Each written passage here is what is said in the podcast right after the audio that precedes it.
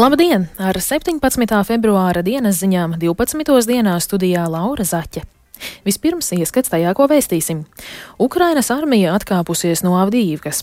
Krievijā aizturēti vairāki cilvēki, kuri pieminēja opozicionāru Alekseju Navaļniju. Pērne dažādos krāpšanas veidos no Latvijas iedzīvotājiem izkrāpti vairāk nekā 8,5 miljoni eiro. Par šiem un citiem tematiem plašāk ziņu turpinājumā.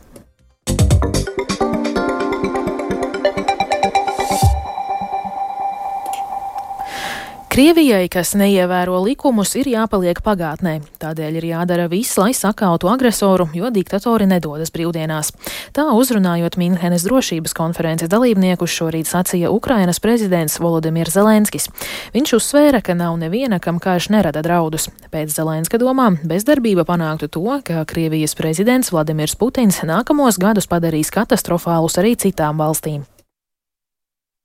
Let's not fear Putin's defeat and the destruction of his regime. Mums nevajadzētu baidīties no Putina sakāves un no viņa režīma iznīcības. Tā vietā strādāsim kopā, lai iznīcinātu to, par ko viņš iestājas. Tas ir viņa liktenis - zaudēt, nevis zaudēt likumos balstītu pasaules kārtību. Ja mēs nesakausim Putinu tagad, tam galu galā nebūs nozīmes, kurš būs Krievijas prezidents jo jebkurš nākamais Krievijas diktators atcerēsies, kā noturēt varu, anektējot zemes, nogalinot oponentus un iznīcinot pasaules kārtību. Ja tas notiks, Eiropa, Centrālā Azija un visa pasaule nonāks ļoti tumšā vietā.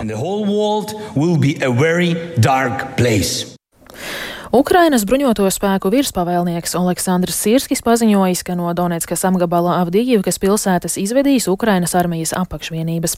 Šāds lēmums pieņemts, lai novērstu karavīru aplenkšanu un saglabātu viņu dzīvību un veselību.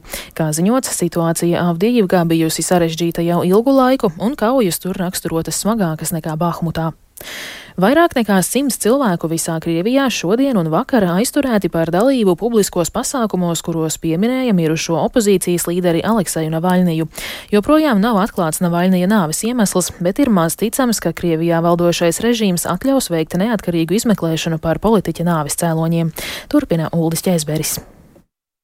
Vakar, dažas stundas pēc tam, kad bija izskanējušas ziņas par Alekseja Navaļnija nāvi, Krievijas galvaspilsētā Maskavā pie politisko represiju upuru piemiņas vietas sāka pulcēties cilvēki, lai godinātu pāragri mirušo opozīcijas līderi.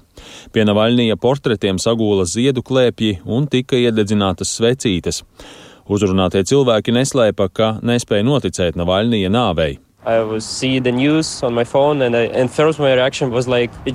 Savā telefonā redzēju ziņas par Navaļnija nāvi, un mana pirmā reakcija bija: tas ir tikai joks, tā nevar būt patiesība. Bet tad pienāca arvien vairāk un vairāk ziņas. Es kādu stundu raudāju. Es biju satriekta. Es tiešām domāju, ka tas nevar notikt. Nekad. Never. Sociālajos tīklos plašu popularitāti ir izpelnījies video, kurā kāda pensionāre saka emocionālu uzrunu vienā no Navaļnija piemiņas pasākumiem. Kundze Navaļnija nāvē vainoja Krievijas autoritāro prezidentu Vladimiru Putinu un aicināja valsts iedzīvotājus doties ielās, lai izteiktu savu neapmierinātību ar režīmu. 140 miljonus! Mūsu ir 140 miljoni. Vai mēs tiešām nevaram piecelties un pateikt, Putina, ej prom no šejienes? Navaļnijam veltītas improvizētas piemiņas vietas izveidoja vairākās Krievijas pilsētās. Vairums pasākumu noritēja mierīgā gaisotnē, taču atsevišķās vietās varas iestādes izklīdināja sanākušos, no kuriem daļu aizturēja. Nevalstiskā organizācija OVD Info ziņo, ka līdz šodienas pusdienlaikam bija aizturēti vismaz 123 cilvēki Maskavā, Sanktpēterburgā, Jekaterinburgā, Novosibirskā, Ufā un citur. Sociālajos tīklos ir publicēti video, kuros redzams, kā naktī tiek aizvākti Navaļnija piemiņai noliktie ziedi. Viena no šādām vietām bija Maskavas Kremlim blakus esošais tilts, uz kura 2015. gada 27. februārī nogalināja opozīcijas politiķi Borisu Ņemcovu. Video ir redzams, kā civilā apģērbā tērpušies cilvēki steigā novāc tur novietotos ziedus, bet netālu esošie policisti uz to mierīgi noskatās. Navaļnija nāve izraisīja plašu starptautisku reakciju. Daudzi rietumvalstu līderi notikušajā vainoja Kremli. Arī viens no redzamākajiem Putina kritiķiem rietumos Bils Brauders, kura advokāts bija Krievijas cietumā nogalinātais Sergejs Magnītskis, ir pārliecināts, ka Navaļniju apzināti noveda līdz nāvei. Um, Putinam tuvojas vēlēšanas, kurās viņš nedrīkst pieļaut nekādas nevienprātības pazīmes. Kāds ir labākais veids, kā atbrīvoties no nevienprātības? Jūs nogalināt svarīgāko politisko figūru valstī visu acu priekšā. Un šis vēstījums nozīmē, ka ik viens, kam ir kaut kādi politiskās opozīcijas instinkti vai nodomi, teiks sev, Es nevēlos to darīt, jo nevēlos mirt. Un ir skaidrs, ka Putins to darīja tā, kā viņš veic jebkura veida slepkavības, lai apklusinātu cilvēkus, lai represētu cilvēkus, lai terorizētu cilvēkus. Un tas likvidē jebkādu politisko konkurenci tagad un nākotnē.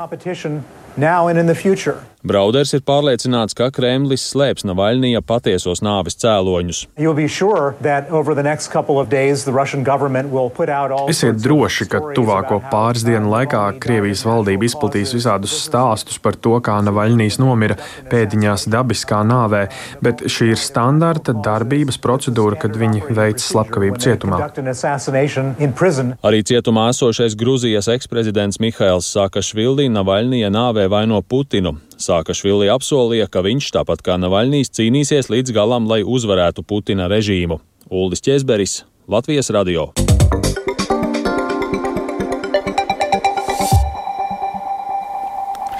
Pērn dažādos krāpšanas veidos no iedzīvotājiem izkrāpti vairāk nekā 8,5 miljoni eiro. Tā liecina valsts policijas apkopotā statistika. Arī šogad viltus īziņu sūtītāji ir aktīvi un novērots jauns krāpšanu vilnis, kad noziedznieki sūta īziņas valsts ieņēmumu dienesta vārdā. Plašāk par statistiku un to, kā sevi pasargāt no krāpniekiem Agnijas Lazdiņas ierakstā. Izplatītākais krāpšanas veids pērn bija svikšķerēšana jeb telefona krāpšanas, kur visbiežāk noziedznieki zvanījuši izlaikoties par banku vai citu tiesību sargājošo iestāžu darbiniekiem. Tā vismaz 820 cilvēkiem izkrāpti vairāk nekā 4,5 miljonu eiro. Otrs izplatītākais veids bijušas investīciju krāpšanas, kur neapdomīgi ieguldot savu naudu apšaubāmās finanšu platformās vismaz 273 iedzīvotājiem izkrāpti virs 3 miljoniem eiro. Savukārt trešā izplatītākā krāpšana bijusi smikšķerēšana jeb krāpnieciska īziņu sūtīšana, kur izkrāpti vairāk nekā 375 tūkstoši eiro, un maldīgām īziņām noticējuši un apkrāpti vismaz 394 iedzīvotāji. Turpina valsts policijas pārstāve Gita Gžibauska. Pagājušo gadu valsts policija sadarbībā ar Ukrainas tiesību sargājušajām iestādēm bija atklājusi lielu krāpniecisku zvanu centru Ukrainā. Tāpat arī pērn vien pāris mēnešu laikā valsts policijas Rīgas reģiona pārvaldes darbinieki bija aizturējuši 16 naudas mūļus, jeb personas, kuras par samaksu bija piekritušas caur saviem kontiem izlaist noziedzīgi iegūtos līdzekļus vai izņemt to skaidrā naudā. Protams, arī šos naudas mūļus aiztur citas valsts policijas struktūra vienības, arī kibernozieguma apkarošanas pārvalde. Nu, arī ārvalstīs regulāri tiek atklāti krāpnieciskie zvanu centri, tāpēc jāsaka, ka darbs šajā virzienā notiek ļoti aktīvi. Tojoties 1. martā martam aktivizējušies arī krāpnieki, kas iedzīvotājiem sūta izziņas valsts ieņēmuma dienesta vārdā par to, ka esot sagatavots nodokļu pārmaksas dokuments par pērno gadu, vien jāspiežot uz norādītās saites. Krāpnieka mērķis ir panākt, lai cilvēks atverot saiti, ievada savus bankas konta datus, tādējādi tos nododot krāpnieku rīcībā. Kā skaidro valsts ieņēmuma dienesta pārstāve Kristīna Augstkalni Jaunbērziņa, pirms 1. marta tas vienkārši nav iespējams. Valsts ieņēmuma dienas nekad nesūta īziņas. Visu informāciju, kas ir nepieciešama. Cilvēks jau norāda savā gada ienākuma deklarācijā, ka viņš to aizpilda elektroniski. Norādīs arī konta numurus, kur vēlas saņemt naudu. Nauda tajā kontā tiek ieskaitīta automātiski. Un ja jūs esat saņēmuši izziņu, kurā rakstīts, ka it kā valsts ieņēmuma dienas vēlas jums atmaksāt naudu un spiediet uz kādu saiti, nekādā gadījumā to nedariet, tā izziņa ir krāpnieciska. CERTLV kiberdrošības eksperts Gins Malkalnietis uzsver, ka cilvēki lielākoties iekrīt krāpnieku nagos, jo nepārtrauc sarunas ar krāpniekiem un steigā veids dažādas rīcības. Cilvēkiem jābūt vienkārši pašiem apdomīgiem, jāspēj nu, pieņemt tādu nesasteigtu lēmumu. Visbiežāk pietiktu kaut vai apstāties piecas minūtes, padomāt, piezvanīt savam bērnam vai vecākiem vai kādam citam, ja, un jau šī situācija atrisināsies. Ja pats sliktākais, kas ir, kad cilvēki sāk akli izpildīt komandas, ko viņam dod kādu valsts tālgamī.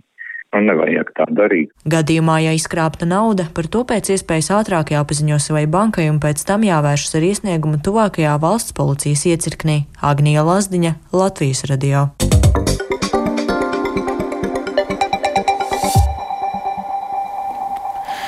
Latvijas un pasaules sportā šodien gaidāma notikumiem piesātināta diena.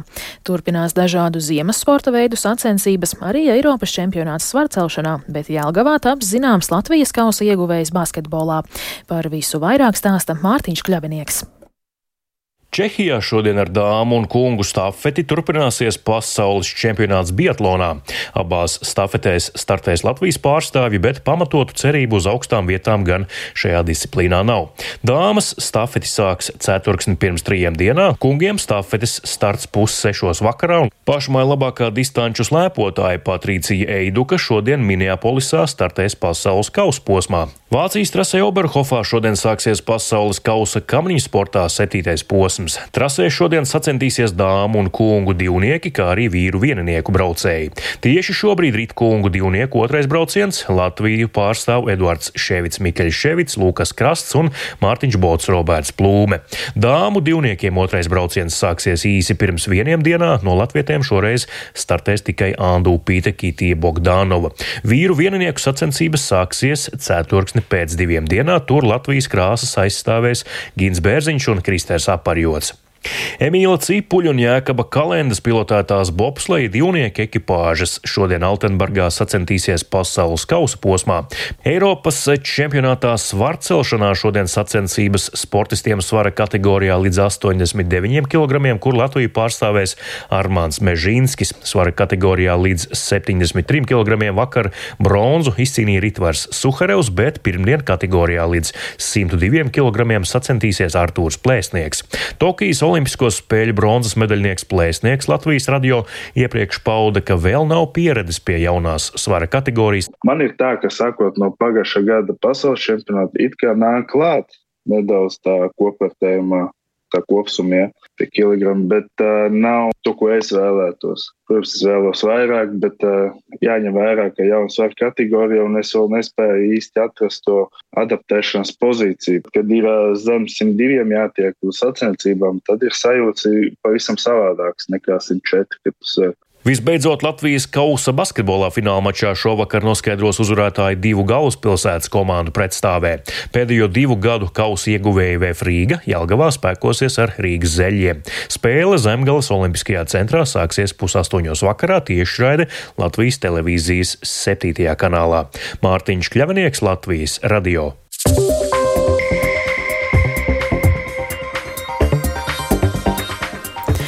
Ar to izskan 17. februāra dienas ziņas. Producente Vija Bremse ierakstus montēja Kaspars Groskops, pieskaņu pults Rīta Karnača, bet studijā Laura Zaķe. Īsumā par svarīgāko. Ukrainas armija atkāpusies no Avdijivkas. Krievijā aizturēti simts cilvēki, kuri pieminēja opozicionāru Alekseju Navaļniju. Pērne dažādos krāpšanas veidos no Latvijas iedzīvotājiem izkrāpti vairāk nekā 8,5 miljoni eiro. Un vēl tikai par laikapstākļiem. Yeah.